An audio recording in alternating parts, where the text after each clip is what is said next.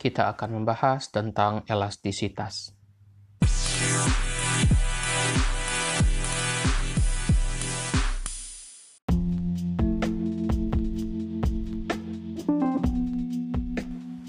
Teman-teman, konsep elastisitas sudah pernah kita bahas di mata kuliah sebelumnya di pengantar ilmu ekonomi. Pada kuliah ini, saya tidak akan lagi membahas tentang bagaimana rumus-rumus elastisitas. Anda dapat mengulangi untuk membaca itu di mata kuliah yang sudah kita pelajari tahun lalu. Pada bagian ini, kita akan membicarakan tentang bagaimana konsekuensi dari elastisitas terhadap kebijakan, atau dalam hal ini dalam pembuatan keputusan-keputusan manajerial. Kita akan review sedikit tentang elastisitas untuk sekedar mengingatkan teman-teman bahwa elastisitas itu adalah ukuran sensitivitas tingkat permintaan terhadap perubahan faktor-faktor yang mempengaruhinya. Hal yang paling sering dibahas dalam bentuk paling mendasar adalah elastisitas permintaan terhadap harga. Di sini kita melihat seberapakah tingkat sensitivitas perubahan tingkat permintaan terhadap suatu produk akibat terjadinya perubahan harga pada produk tersebut. Jadi, bila harganya berubah, apakah jumlah permintaan terhadap produk itu juga turut berubah? Di sini kemudian kita bisa mengukur seberapa sensitif apakah perubahan harga yang sedikit mengakibatkan terjadinya perubahan jumlah permintaan yang banyak atau sebaliknya apakah perubahan harga yang besar hanya mengakibatkan perubahan tingkat eh, permintaan yang sedikit, ataukah perubahan harga itu tidak mempengaruhi perubahan tingkat permintaan, atau pada harga yang tidak berubah, tapi terjadi volatilitas atau perubahan tingkat permintaan yang tidak terhingga, atau sebaliknya, perubahan harga, tingkat perubahan harga proporsional atau sebanding dengan tingkat perubahan permintaan. Nah, di sini uh, kita ingat kembali ada beberapa uh, ukuran untuk menentukan uh, elastisitas. Ada yang namanya elastisitas uh, sempurna, ada yang namanya inelastis sempurna, ada yang namanya inelastis, ada yang namanya elastis, dan ada yang namanya elastisitas uniter. Suatu produk disebut inelastis bila koefisien elastisitasnya di bawah 1. Sebuah produk disebut elastis bila koefisien elastisitasnya di atas 1.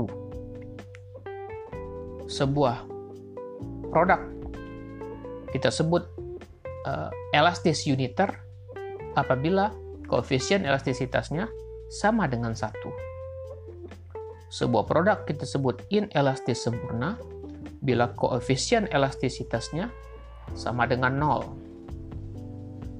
Yang terakhir, sebuah produk kita sebut elastis sempurna atau elastis tak terhingga bila koefisien elastisitasnya sama dengan tidak terhingga. Dalam hal menentukan koefisien elastisitas, ada dua rumus yang perlu Anda ulangi, pelajari. Yang pertama namanya elastisitas titik, yang kedua elastisitas busur. Elastisitas titik itu menjelaskan berapa tingkat elastisitas yang terjadi pada satu titik di sepanjang kurva permintaan. Sedangkan pada elastisitas busur, kita akan menghitung berapa nah, elastisitas di dua titik yang terjadi di sepanjang kurva permintaan. Bedanya apa? Pada elastisitas titik, kita akan menghadapi satu kondisi di mana pada saat terjadi pembalikan harga, koefisiennya akan berubah. Ya, maksudnya begini, bila tadi harganya tinggi, sekarang turun Nah, bila pada saat harga turun, kita tinggal hitung kan berapa elastisitasnya pada saat harga A, harga B. Kita sudah temukan nih koefisien elastisitasnya. Tapi kemudian bagaimana uh, elastisitas uh, produk ini bila berapa bagaimana elastisitas permintaan produk ini bila harga berubah dari B naik ke A. Kalau tadi dari A turun ke B, sekarang dari B naik ke A. Semestinya kan sama. Tapi pada elastisitas titik ternyata tidak sama. Ia akan berubah angkanya. Maka kita menggunakan rumus elastisitas busur. Jika kita menggunakan rumus elastisitas busur, maka bolak-balik dari A turun ke B, B balik lagi harganya ke A, harga A turun ke harga B, atau lalu kemudian harga B naik lagi ke harga A, bolak-balik, elastisitasnya tetap sama, konsisten. Bagaimana rumusnya? saya tidak mungkin jelaskan di podcast ini. Anda baca lagi di pengantar ilmu ekonomi. Apa rumus elastisitas titik, apa rumus elastisitas busur. Sehingga kita bisa mengetahui koefisien elastisitas titik maupun koefisien elastisitas busur. Yang kedua, eh, setelah kita bahas tentang elastisitas permintaan terhadap harga, sekarang kita bahas elastisitas permintaan eh, terhadap pendapatan. Prinsipnya sama saja. Jika tadi faktor yang menentukan perubahan tingkat permintaan adalah harga produk itu sendiri, maka pada elastisitas permintaan terhadap pendapatan, faktor yang mempengaruhi perubahan tingkat permintaan adalah pendapatan. Secara teori, apabila terjadi peningkatan tingkat pendapatan, maka akan terjadi peningkatan permintaan. Sebaliknya, bila terjadi penurunan tingkat pendapatan, maka akan terjadi penurunan permintaan. Oleh karena itu, eh, seorang manajer harus tahu apakah saat ini sedang terjadi peningkatan atau penurunan pendapatan sehingga ia bisa mengestimasi berapa tingkat penjualan, ah, tingkat permintaan masyarakat. Dengan demikian ia bisa mengestimasi tingkat penjualan dan menentukan kebijakan-kebijakan selanjutnya. Nah, pada elastisitas eh, apa? Elastisitas eh, permintaan terhadap pendapatan ini Eh, kita akan membahas eh, beberapa hal ya. Yang pertama terkait dengan eh, apa yang mempengaruhi elastisitas permintaan terhadap harga. Maaf, elastisitas permintaan terhadap pendapatan. Bagaimana pengaruhnya? di sini kita akan melihat bahwa apabila terjadi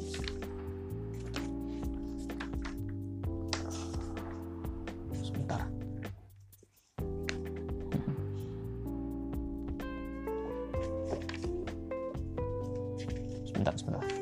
Catatan saya mana tadi ya?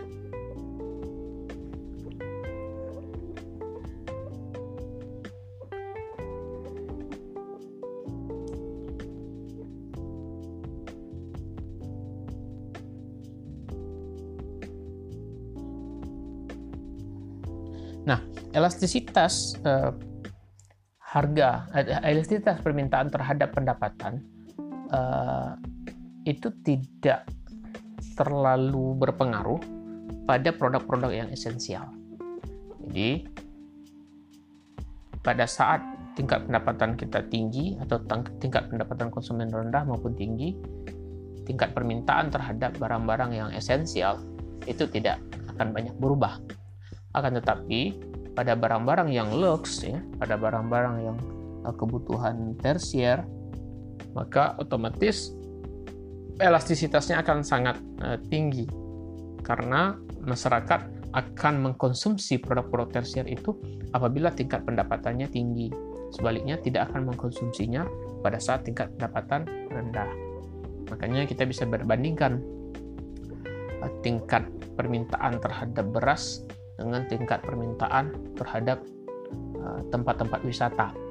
Ketika pendapatan tinggi atau rendah, maka tingkat pendapatan, tingkat permintaan terhadap beras itu tidak akan banyak berubah. Sebaliknya, tingkat permintaan terhadap tempat wisata itu sangat berubah tergantung dengan kondisi tingkat pendapatan masyarakat. Yang selanjutnya yang akan kita bahas adalah elastisitas permintaan silang terhadap harga. Dan bagaimana ini elastisitas permintaan silang? Elastisitas permintaan silang itu adalah kita ingin mengetahui seberapa sensitifkah tingkat permintaan terhadap satu produk akibat terjadinya perubahan harga pada produk lain. Ya, jadi bukan perubahan harga produknya. Kalau tadi di elastisitas permintaan terhadap harga, kita bicara tentang perubahan tingkat permintaan akibat terjadinya perubahan harga barang itu sendiri. Sekarang kita melihatnya apakah ter, eh, seberapa seberapa sensitifkah produk kita, ya, produk A yang kita perhatikan tadi, bila terjadi perubahan harga pada produk lain. Produk lain itu adalah produk barang substitusi dan produk barang komplementer di sini kita bisa melihat misalnya seberapa sensitifkah tingkat permintaan terhadap kopi bila tingkat permintaan terhadap teh atau bila terjadi perubahan harga pada teh. Ya, misalnya kalau kita anggap kopi adalah substitusi dari teh ya, teh dan kopi bisa saling mensubstitusikan. Di sana kita ingin tahu seberapa besar perubahan tingkat permintaan pada teh bila terjadi perubahan harga pada kopi. Ini contoh substitusi. Atau apalagi yang substitusi. Seberapa besar perubahan permintaan terhadap sepeda motor bila terjadi perubahan harga kepada ojek online misalnya ya. Nah, kalau kita eh, bisa meng mengestimasi itu, maka kita bisa tahu, bisa jadi ketika terjadi perubahan harga pada ojek online, orang tidak lagi membeli sepeda motor atau mengurangi tingkat permintaan pada sepeda motor atau sebaliknya. Yang kedua, perubahan eh, elastisitas uh, silang ini juga bisa terjadi uh, terhadap barang komplementer. Seberapa elastiskah, ya, seberapa sensitifkah perubahan harga kopi mempengaruhi tingkat permintaan gula. Karena kita anggap kopi dan gula itu nah, substitusi. Apa sorry, komplementer. Jadi gula adalah komplement dari kopi. Laptop dengan mouse, misalnya. Handphone dengan pulsa atau pakai data, misalnya. Itu komplementer. Jadi, apakah Perubahan tingkat harga kepada pulsa atau pakai data mempengaruhi tingkat permintaan terhadap handphone. Itu itu namanya uh, elastisitas uh, silang.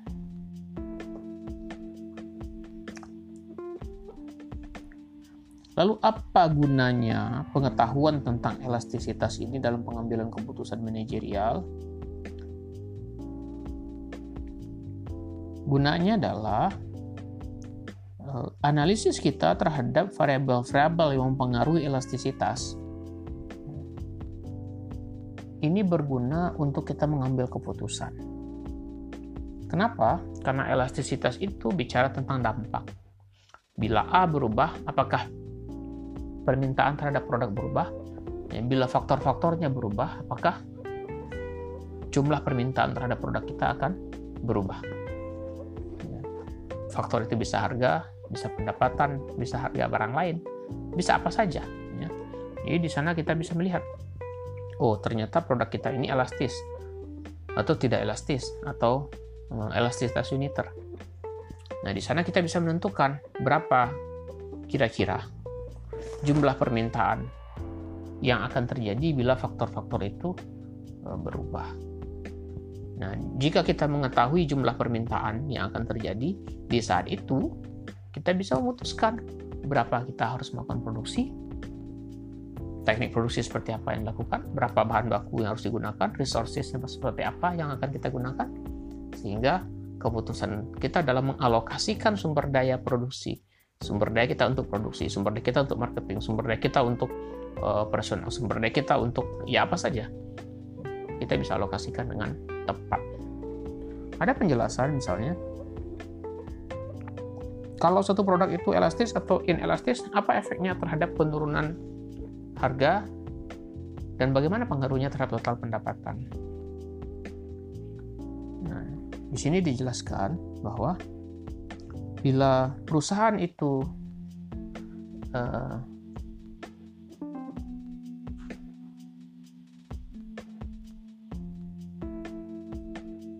bila perusahaan eh, produk suatu produk itu inelastis ya, terhadap harga misalnya ya ada satu produk yang inelastis terhadap harga. Artinya eh, dia tidak tidak sensitif terhadap perubahan harga maka perusahaan tidak perlu menurunkan harganya.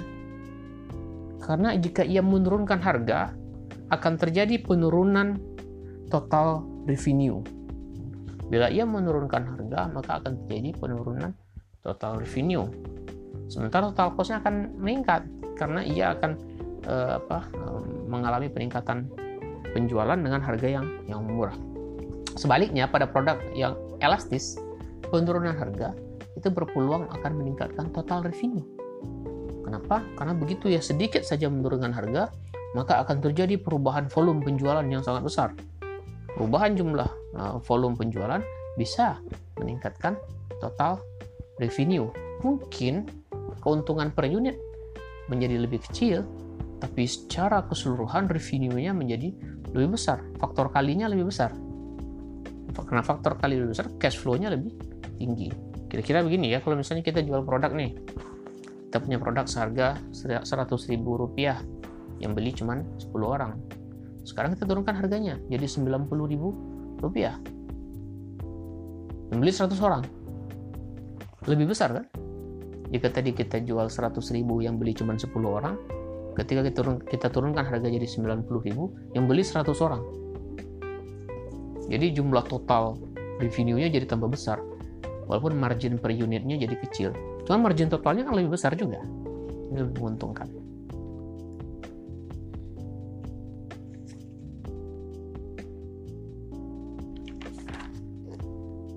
Mungkin itu penjelasan yang uh, sederhana tentang elastisitas. Uh, ada pembahasan-pembahasan yang tidak saya masukkan di sini, bukan berarti tidak penting Anda ketahui. Ya, seperti tadi saya katakan tentang rumus, tentang konsekuensi-konsekuensi yang lebih detail, uh, yang itu Anda bisa baca lagi di pengantar ilmu ekonomi maupun di buku sumber yang uh, kita sudah tentukan. Terima kasih untuk materi elastisitas kita akan ketemu lagi di materi-materi selanjutnya.